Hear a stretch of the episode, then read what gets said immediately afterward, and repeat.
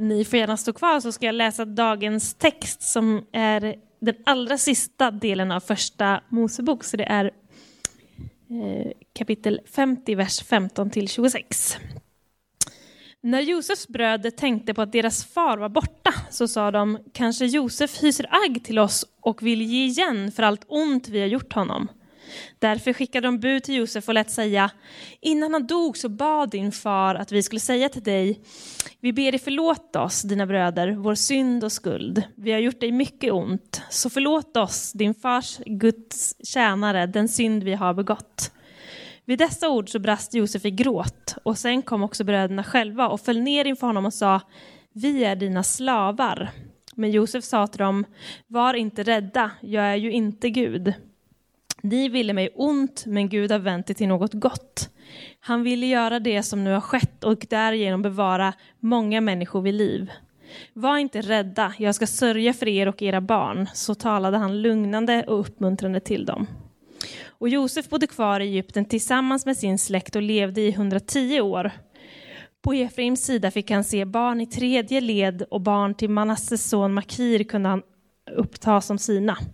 Josef sa till sina fränder, jag ska snart dö, men Gud kommer att ta sig an er och föra er från detta land upp till det land som han med ed har lovat Abraham, Isak och Jakob. Sen tog han en ed av Israels ättlingar och sa, Gud kommer att ta sig an er och då ska ni föra mina ben härifrån. Så dog Josef i en ålder av 110 år och han blev balsamerad och lagd i en kista i Egypten. Det här är Guds ord till oss idag. Varsågod och sitt. Tack så mycket. We are dancing with the demons in our minds. Måns Zelmerlöw predikar väldigt mycket rakt in i våran eh, kultur. Vi umgås nog med väldigt mycket olika tankar och eh, en demon in our mind som, som Bibeln talar om, det är att vi är, som han sjunger då, Uh, What if I'm the only hero left? Bibeln berättar att vi är inte de stora hjältarna. Vi är inte det som hjälteskap handlar om. Vi är inte de hjältar som kan frälsa, utan det finns någon annan som är det. Och eh, Josef, som vi läser om här, vi har kommit till sista delen i vår serie, eh, ur och från Genesis. Eh, vi har eh, tillbringat då 11 söndagar och idag blir det del 12 och den, den sista då, där vi genom den här serien har följt hur Gud skapar en underbar och perfekt värld som han eh, kallar för gott och han ser på det och han kallar det för gott. Och vi ser också väldigt, väldigt snart att, att människan vänder sig från Gud. Vi kallar det för fallet, man faller och, och relationen med Gud, den går sönder och man orsakar både sig själv och varandra mer och mer smärta och mer och mer skada. Eh, ju mer man vänder sig ifrån Gud. Och sen så ser vi hur Gud i sin nåd påbörjar det här verket där han bara så här, nej, det här är min skapelse. Nej, det här är min, the apple of my eye. Människan, jag vill ha en relation med henne. Och han griper in gång på gång på gång och så ser vi att det börjar faktiskt redan där peka mot det som komma skall några tusen år senare. Eh, Jesus Kristus som där, där, Gud ger sin son för att hela världen ska åter, liksom, återtas och, och människans synd och, och, och elände, att relationen ska, ska bli läkt och hel igen. Och eh, det är ganska mycket av det här som man faktiskt ser i Josefs liv. Jag vet inte om ni har sett den här eh, Dreamworks, det är väl Steven Spielbergs eh, Dreamworks som har gjort den här, eh, vad heter den? Nej, ja, både Prince of Egypt men också eh, Joseph King of Dreams, eller jag vet inte vad den heter, han heter någonting eh, i alla fall. Eh, men det är ändå väldigt spännande att läsa och, och, och eh, titta in och blicka in i Josefs liv. Ehm, och eh, det ska vi göra alldeles, alldeles strax. Och, och, och någonstans så, så, ser vi, liksom, som Viktor predikade om här för några veckor sedan, om, om hur Gud gav Abraham ett löfte som sen gick vidare i generation till nästa generation då, eh, till Isak och därifrån till hans son Jakob. Så vi har Abraham, Isak och Jakobs Gud som det ibland står om. Och, och eh, eh det är bara så tydligt att, att, att Abraham fick inte se allt det här som Gud hade lovat utan det kom, eh, Gud fortsatte sin, sin plan. Och grejen är så att Gud har en plan än idag.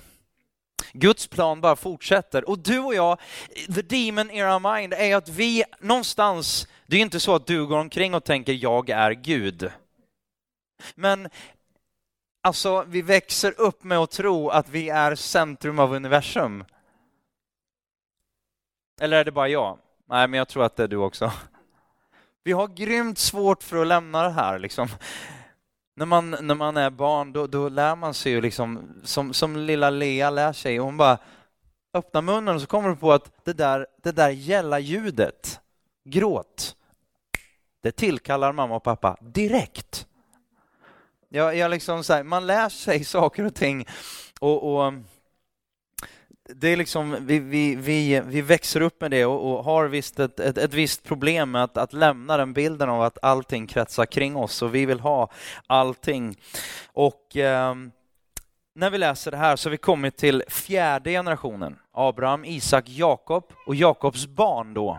Han får tolv söner som blir de tolv stammarna, Israels stammar och en av de sönerna är Josef. Och Alltså det ser ju inte sådär kanonbra ut.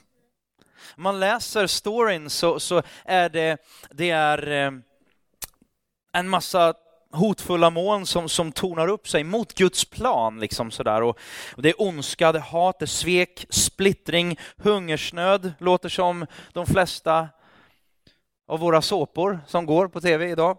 Ehm, de har snott konceptet helt enkelt.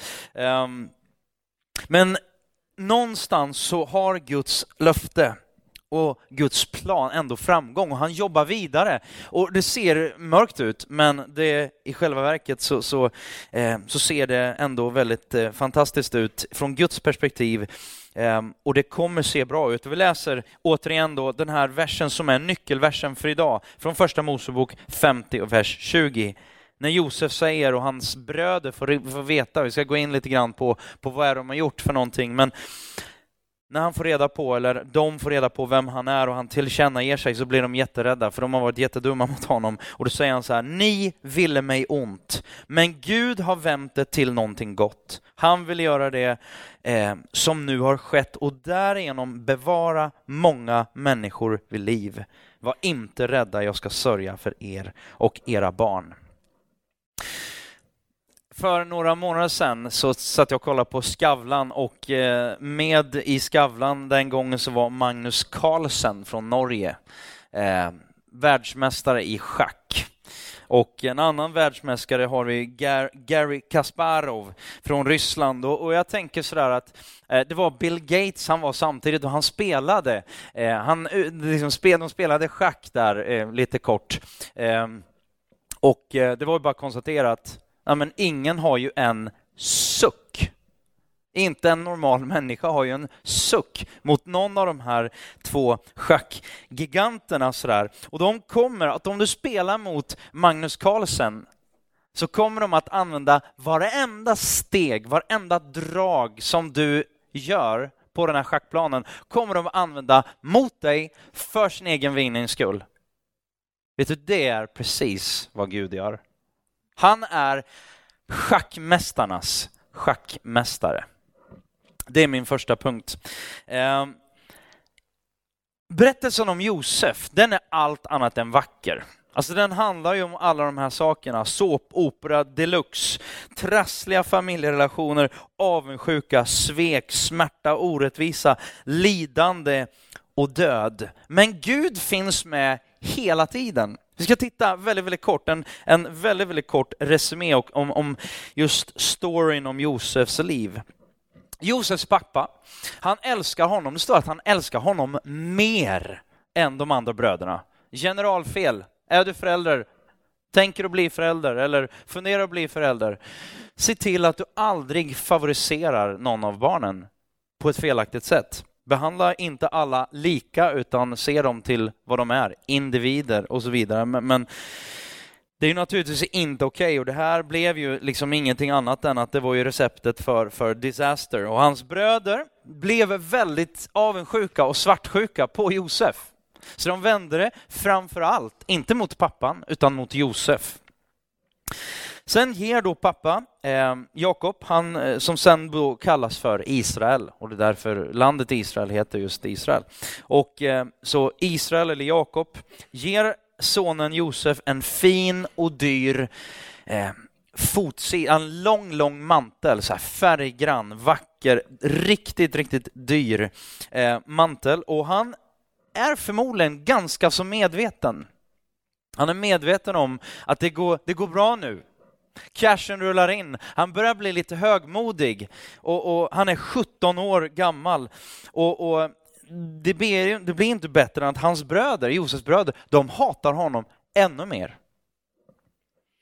Um, och till slut så, så blir de så svartögda och, och hatar honom så mycket så att de vill, de vill röja honom ur vägen. Flera av bröderna, inte alla, men de vill döda honom. Det blir inte bättre när Josef har ett par drömmar från Gud, som det, som det visar sig då eh, var från Gud, när han lite stroppigt går ner och berättar om de här drömmarna, där hans, sön, eh, där hans bröder och eh, även hans pappa då, hela släkten i stort sett, kommer att knäböja sig inför honom. Som 17-åring så låter inte det sådär kanonbra i storebrödernas ögon öron menar jag, kanske man hör bättre med. Så de blir, de blir helt vansinniga och det, det blir inte bättre än att en dag så bestäms de för vi ska röja honom ur vägen. Några vill döda honom, eh, men de kommer i alla fall överens om att de säljer honom som slav. Så det kommer några förbitågande där, de, de köper honom, så bröderna säljer honom som slav och så tar de hans fina mantel och så presenterar de den för, för pappa Jakob och säger tyvärr, de har blött ner den med blod och, och sagt att det var, det var ett rovdjur som, som har dödat Josef. Han finns inte längre. Josef, han följer med de här naturligtvis då i fångenskap ner till Egypten och hamnar hos en, en högt uppsatt hovman vid namn Puttifar. Och där tjänar han och det går väldigt bra och han har Puttifar ett gott öga ända tills hans fru Puttimor, nej det hette hon inte, men, men i alla fall så, så hon vill ha sex med Josef, för han ser väldigt vacker ut. Vacker att se på, hon, hon har liksom begär till honom. Men han säger bara, hur kan jag, hur kan jag eh, svika min, min, min, min herre på det här sättet. Han har hjälpt mig allting och hon blir så frustrerad över det där så han springer därifrån och lämnar sin, sin mantel återigen eh, och då så så begår hon, ja, hon, hon, begår ett brott och säger att, att hon anklagar honom falskt helt enkelt och säger att han har eh, våldtagit henne och, och, folket tror på det och han blir kastad i fängelse och sitter där i flera år. Eh, long story kort så går det i alla fall så att ännu en gång så är det drömmar som, som spelar in. Och det är farao, den högsta, alltså kungen då på den tiden i Egypten som har drömmar och hans eh, eh, vise män och alla kunniga i riket, han, han söker runt där och vem kan, vem kan tyda de här drömmarna? Och så får de reda på då, ja men han finns, finns en kille där som, som har med Gud att göra, han kan tyda drömmar. Och så plockar de upp Josef och han tyder de här drömmarna och så så handlar det om sju, sju bra år för att sen följas av sju dåliga år. Och han berättar för farao, kungen, då vad han ska göra och kungen säger så här, du ska vara min närmsta kille. Du är min nummer två. Så från att, från att eh, Josef får den här drömmen, manteln, drömmen och blir såld vid 17 års ålder, så blir han ställd och, och, och satt av Gud och det är verkligen schackspel människor. Jag tror inte att det var Gud som bara, nu ska jag, eh, det var Gud som sa så här, nu ska ni sälja honom som slav eller nu ska ni, men vad människor än gjorde så såg Gud till att flytta pjäserna så att när han var 30 år gammal, 13 år senare, efter de här drömmarna, 30 år gammal, så står han där och är den näst mäktigaste mannen i Egypten. Så från en brunn som han först blir nersatt, eh, nerslängd i och så drar de upp honom och säljer honom istället då till, till de här slavhandlarna till att bli den näst mäktigaste mannen. Det är en story som slår det mesta av the American dream, skulle jag vilja säga. Eh, så. Och Josef inser i slutet av sitt liv, så ser han tillbaka och säger så här, ni ville mig ont, men Gud har vänt det till något gott. Paulus, aposteln Paulus i Nya Testamentet, han inser också tidigt i en av sina tidiga brev, i Romarbrevet 8 och 28, så säger han så här, vi vet att för de som älskar Gud samverkar allt till det bästa för de som är kallade efter hans beslut. Gud är schackmästarnas schackmästare. Vad folk än gör, du och jag kan vara oroliga. Vi kan eh, bli fullständigt förvirrade, vi kan, vi kan möta, möta på människor, en, en chef som är, är elak, eller kanske till och med, jag har goda vänner som, som har råkat ut på olika sätt i förhållanden och det kan hända så mycket. Men vid slutet av dagen så är Gud en god Gud som är mäktig nog att vända allt till det bästa för den som tror. Och grejen är den att det man ser då i, i, i Josefs liv, på ett sätt så börjar hans liv så som Gud hade tänkt det när han inte längre när han inte längre klarar av och, och liksom, när det inte längre handlar om hans drömmar och även om han hade fått dem. När det inte längre handlar om, om det här, det här ska ske med mig och det här, ni ska böja er för mig och alla de här stora drömmarna som sedan ändå uppfylldes. Men på något sätt var det, när han kastas i den här brunnen första gången, där dog Josef, där dog hans egna drömmar, men där uppstod också någonting annat. Där uppstod också Josef och den plan, liksom, eller det liv som Gud hade, hade tänkt med med honom. Och det är det här som är tro. Tro behöver man ju inte göra när allt går din väg. Tro är ju, det är ju lätt att säga, men jag tror när, när allt går precis som jag vill. Men tänk om man kanske dristar sig till att be. Jag tror att väldigt många ber. Men det är kanske olika ofta i olika situationer. Många kanske ber bara när man sitter verkligen i skiten. Men hur som haver så när, när allting går bra, då är det lätt att säga jag tror. Men det är ju när allting ser becksvart ut, när allting ser omöjligt ut, det är ju då först som tron ja, men på något sätt prövas. Det är ju då man ställer frågan, finns det någon tro där inne? Grejen var så här att det var ju Josefs bröder som syndade. Det var de som sålde honom till slav i Egypten. Det var inte Gud som gjorde det. Däremot vilken väg som människor än tar kommer Gud ändå vinna i slutändan. Och förra veckan pratade jag om det här med tro. Vad är tro? Och då pratade jag först, och jag ska bara dra kort det, men jättekort så, så kyrkans tro, eller vi kallar det för den gemensamma tron. Tron består av två delar kan man säga. Och det måste få vara så att den gemensamma tron, eller den, den färdiga läran, så som judabrev talar om, den, den tron som, som överfördes och berättades och, och, och ja, men landade hos oss en gång för alla, säger han. Den är slut, liksom. den är definierad. Vi kan inte lägga till en massa, då blir det inte längre den, den kristna tron, då är det någon, någon eh, annan tro, helt enkelt. En egensnickrad tro. Ehm, men sen då så måste det här, det kan inte bara vara någon annans tro eller ett sammanhang. Ja, jag, jag tror för jag är ju med i United, eller jag, är, jag tror för att jag är. Nej, det måste ju bli inte bara en gemensam tro, utan en personlig tro.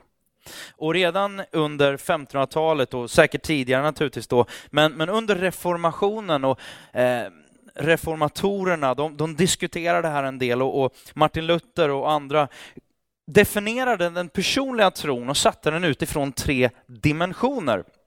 Latinska ord då, notitia, ascensus och fiducia. Alltså, jag hör ett, jag hör och förstår evangelium, de glada nyheterna. Jag förstår det. Det är intellektuellt, liksom så här. det är information som jag förstår. Ett. Två, jag inte bara förstår den, utan jag, och jag kan liksom beskriva den grundläggande, utan någonstans så, så tror jag håller det för sant. Och där eh, var de flesta med. Man vet att ja, men det här säger Bibeln i alla fall lite grundläggande. och bara Okej, okay, jag tror att det är sant.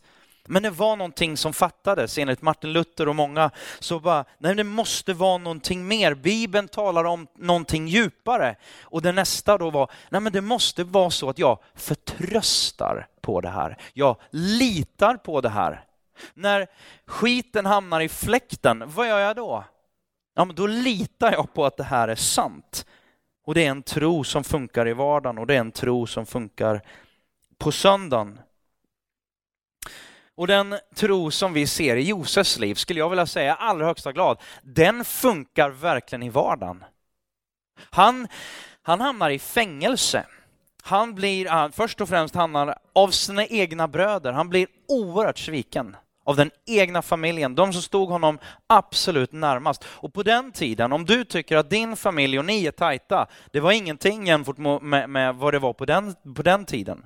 Det var enormt, enormt tajt och det fanns en massa hederskodex och man förrådde inte sin egen familj. Den påverkade honom, hans, alltså hans tro påverkade honom i hans arbete.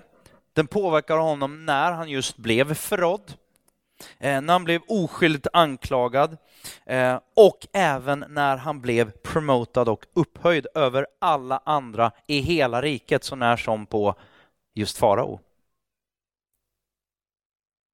Han blev given enorm makt och någonstans så är det så tydligt att den här tron som han bar på, den påverkade honom i vardagen.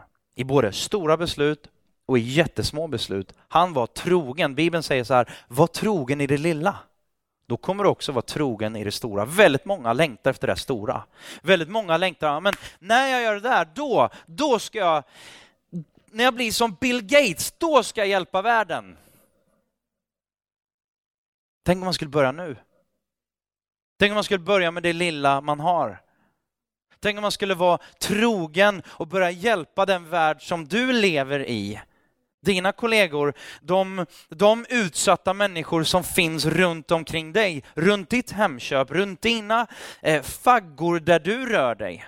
Tänk om du skulle vara trogen, tänk om jag skulle vara trogen och leva för någonting större. För det är uppenbart att det är en otroligt utmanande story och jag, jag tycker att han är verkligen en hjälte, Josef. Han är en hjälte, men det finns någon som är en ännu större hjälte i den här storyn och det är naturligtvis Gud. För det är Gud som hela tiden är med Josef. Och vi, man inser liksom att ja, genom, genom prövningar, det är kanske där våran tro växer sig som starkast. Det är inte när allting är, är, går bra bara, det, det, solen ligger på, det är medvind och woho, det är bara gott. Och allting går min väg. Det kanske inte då jag blir mycket, mycket starkare. Det är inte så många som går till gymmet och, och, och lägger på liksom, vikter som väger luft, liksom, eller ännu mindre. Det är klart man lägger på vikter för att man vill bli starkare. På vilka områden i ditt liv har du svårt att lita på Gud just nu? Josef han litade på Gud även när allting var becksvart. Även när allting gick totalt åt fel håll. På vilka områden i ditt liv har du svårt att lita på Gud just nu? Josef, han är en hjälte, men det finns en hjälte och han, en annan hjälte som är mycket större och som Josef egentligen bara en, en förbild, inte en förebild utan en bild före. Eh, som det så vackert heter på, på, på engelska, Christophany. Jag satt och funderade på vad heter det på svenska, men det är väl en Kristusbild eller jag vet inte vad man kallar det för någonting. Men i alla fall så, eh, Josef en förebild på, eller förbild på Kristus. Och eh, Jesus då, han är den älskade sonen som offras för sitt folks räddning, precis som Josef då offras på ett sätt. Han föraktas och förkastas precis likt Josef. Han blir förrådd och såld för några silverpengar, precis som Josef. Jesus han frestas och prövas, precis som Josef, dock utan att synda.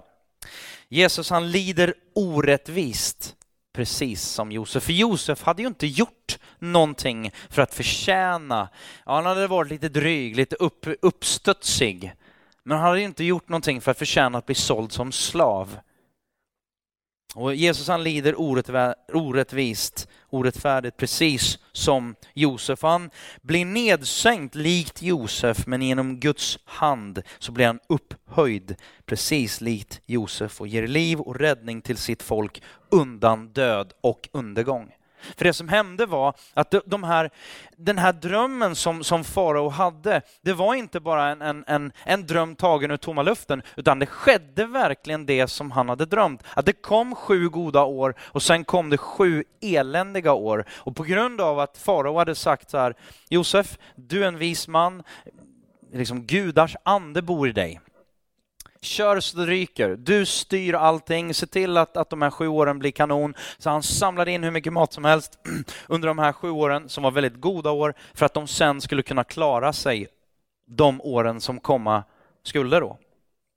Och det var där som, som han gav verkligen liv och räddning åt även sitt folk, för det visade sig sen, precis som vi läste i texten, att, att hans bröder de, de körde slut på mat och de började söka efter, ja men de visste att det finns mat i Egypten och så de begav sig till Egypten för att köpa mat och vem möter de? Bröderna möter ju naturligtvis Josef och första gången eh, de är där så ger Josef sig inte till känna. Han kanske hade väldigt mycket skägg, vad vet jag? Från 17 år till, jag vet inte vad han var då, kanske 35-40. Men, men ja, det måste ju varit över 37 i alla fall. Men, men någonstans där så, så, så de kände inte igen honom riktigt. Han kanske var sminkad och sådär, det gjorde de på den tiden. Vackert.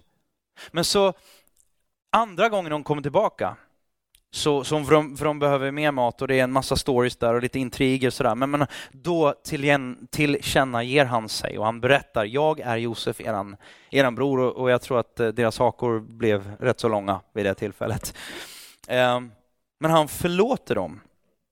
Och, och det är också en sådär, alltså när Jesus hänger på korset, de som har spikat upp honom, han säger inte bara förbanna dem, liksom God, smoke them, säger han inte. Han säger förlåt dem, för de vet inte vad de gör. Hela, hela storyn om Josef är en enorm berättelse om förlåtelse. Hur svårt är det inte att förlåta människor som har gjort oss illa? Människor som har sårat dig och mig och jag, det är klart att man, man i vissa stunder så, så, känner man sig enormt sviken kanske. Man har fått en kniv inkörd i ryggen och, och inte nog med det, utan man känner att det är någon som håller på och vrider runt den. Det kan göra enormt ont. Och det kan vara enormt svårt att förlåta. Men evangeliet är på det sättet väldigt barmhärtigt, men fullständigt svartvitt på ett sätt. Vi är kallade att förlåta. Jag vet inte, jag tror inte det är självklart för någon av oss. Skulle vi stå där Josef stod, han, hade, han var så otroligt mäktig.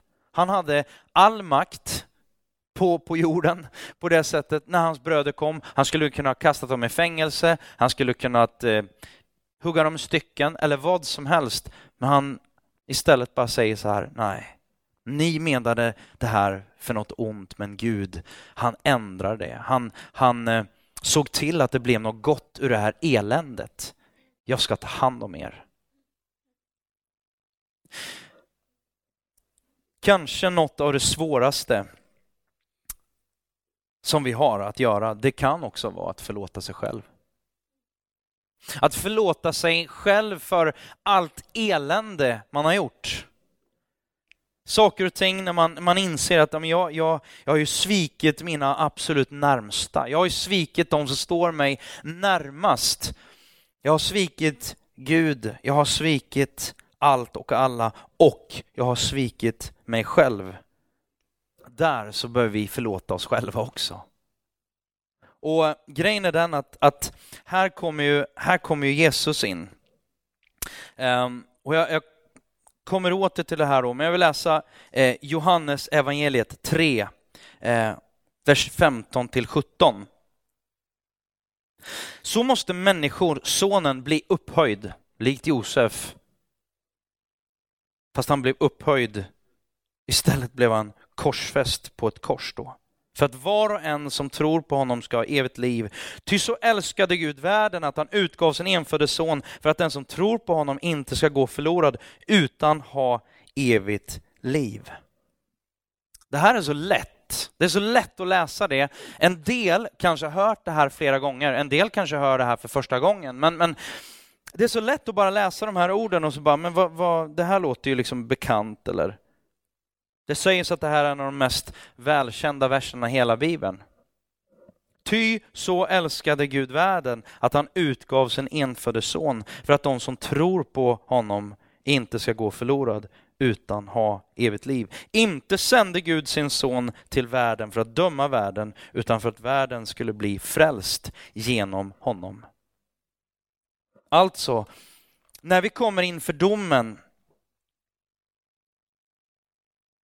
så har domen och döden redan drabbat honom. Så det, var ju, det var ju bröderna som, som, som, som, som de, de borde ha dömts. För det var de som sålde honom. Hade, hade pappa Jakob fått veta att de hade sålt sin bror till Egypten, ja, då hade det blivit rejäl onåd kan jag säga. Men istället så tog Josef, han fick betala priset och sen blev han till frälsning för sin familj. Hade han inte gått igenom den labyrinten och det helvetet som han hade gjort och hamnat där och blivit den näst mäktigaste mannen och sett till att det fanns mat när de här sju hemska åren inföll, då hade hans familj förmodligen dukat under. Hans pappa, hans bröder och alla barn och barnbarn, då hade de inte överlevt för det fanns ingen mat. Men på grund av han var där, på grund av att Josef var där, så fanns det mat och de kunde köpa sig mat och de kunde leva vidare. Så vad lär vi oss då av, av Josefs liv? Vi, le, vi, vi, lär oss väldigt tydligt, att, och, och det är ett huvudbudskap genom hela Guds ord, hela, hela, hela Bibeln. Gud är trofast, hans trofasthet mot sitt löfte. Um, vi läste och vi hörde tidigare när Viktor predikade om Abraham och så har vi Isak och Jakob och Gud säger du ska bli ett stort folk och jag ska välsigna hela världen genom dig. Gud var tvungen att sätta Josef som faraos second hand man, ehm, second in command på det sättet för att verkligen se till att, att Guds plan och, och, och ja, att den planen hade framgång. Så genom allt det här eländet så kan man ändå se Gud leder, Gud verkar på det sättet. Och det är nästa sak som vi lär oss. Gud har en plan. Josefs liv är ju ett tydligt exempel på hur Gud faktiskt har en plan och det ser omöjligt ut, det ser förskräckligt ut, men Gud har fortfarande en plan. Problemet är bara att vi tänker att vi är centrum av planen, vi är poängen i planen. Men vi är en del i Guds plan för någonting mycket, mycket större. För världen, för människor.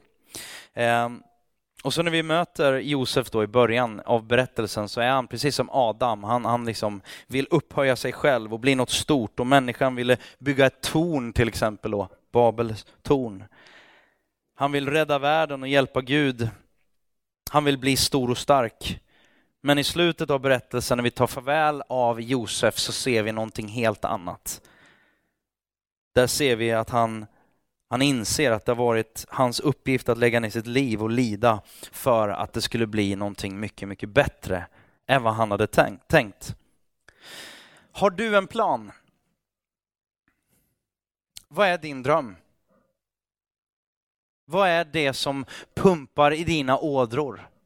Jag, är, jag står för, och jag tänker att det är alldeles för många som har fått sina drömmar bara kraschade.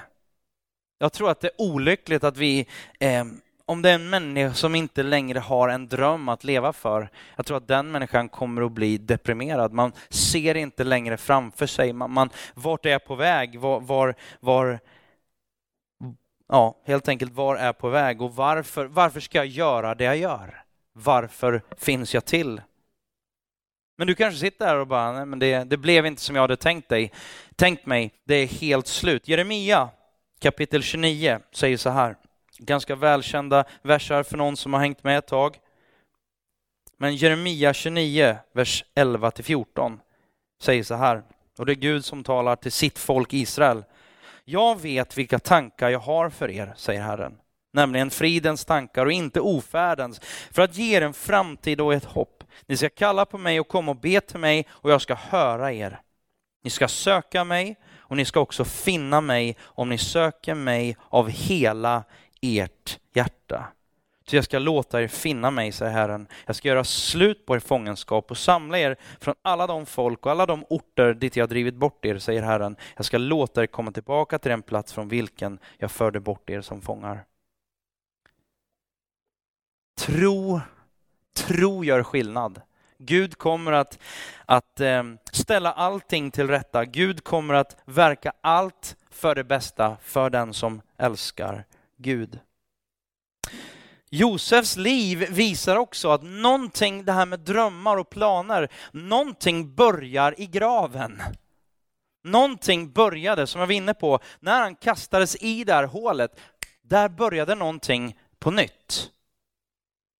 Och i den kristna tron så pratar vi om dopet, dopet i vatten.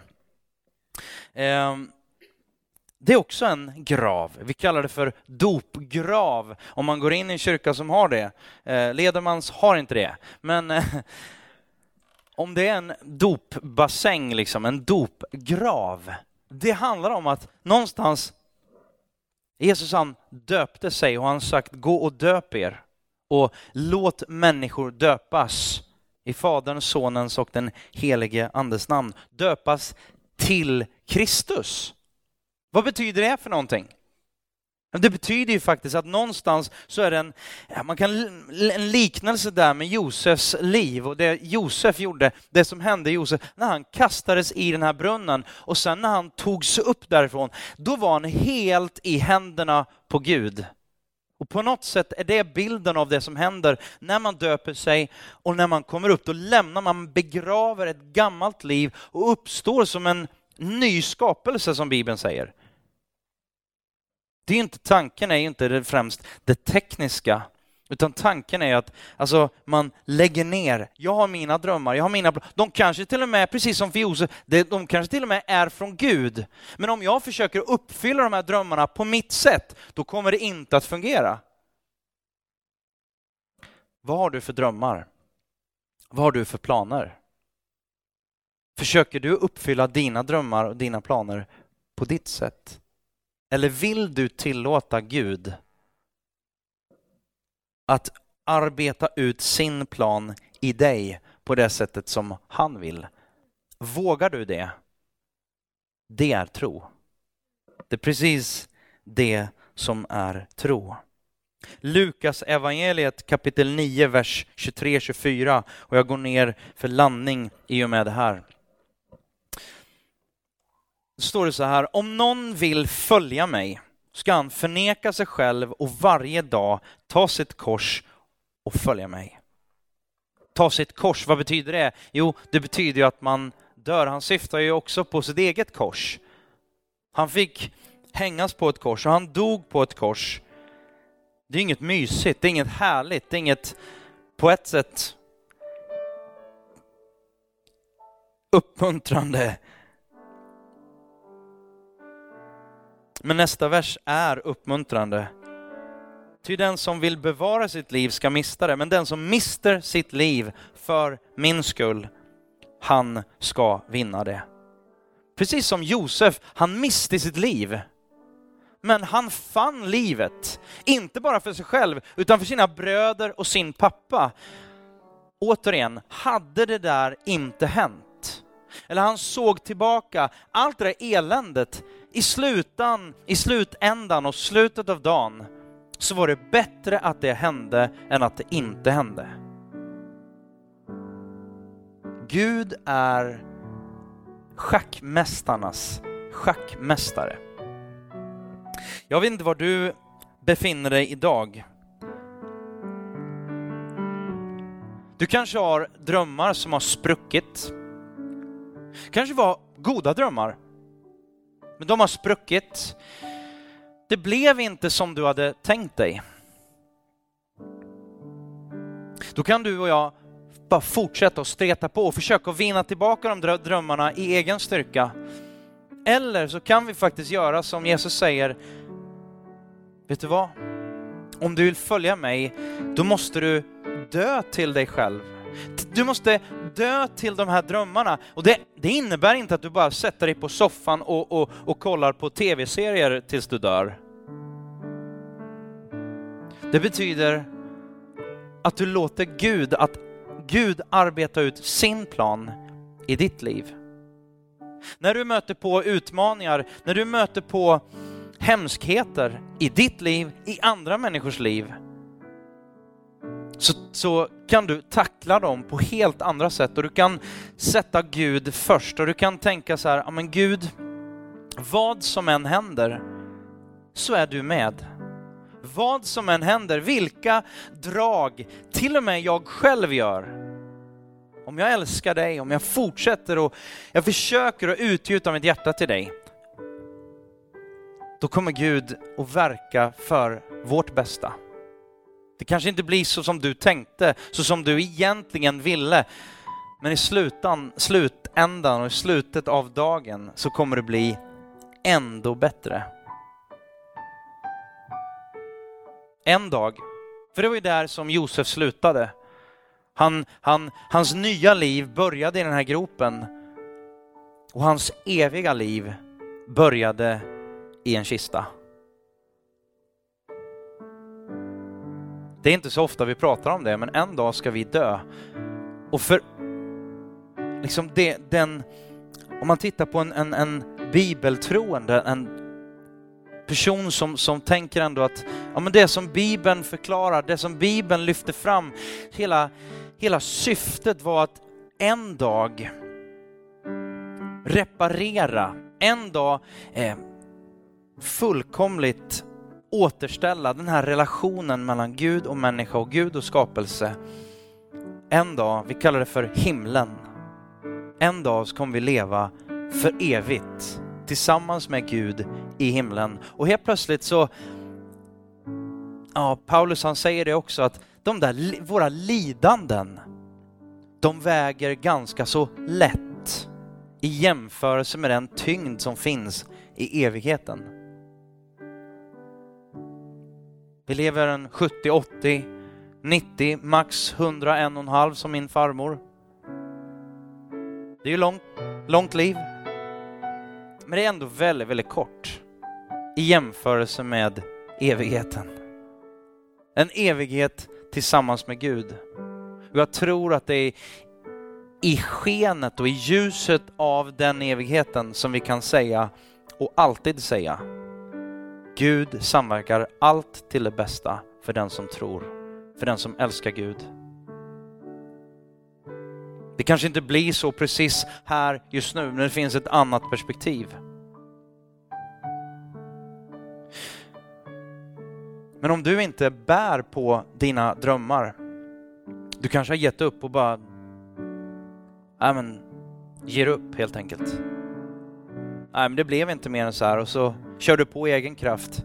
Det kanske är dags att plocka upp de där drömmarna på det sättet att Gud, jag tror att du kommer att, att leda mig. Jag tror att du kommer att visa mig. Gud är mäktig att leda sitt folk in i det som han har bestämt. Det är därför vi kan säga så här, kyrkan kommer att överleva. Det är för det är Kristus, det är Gud som ligger bakom kyrkan.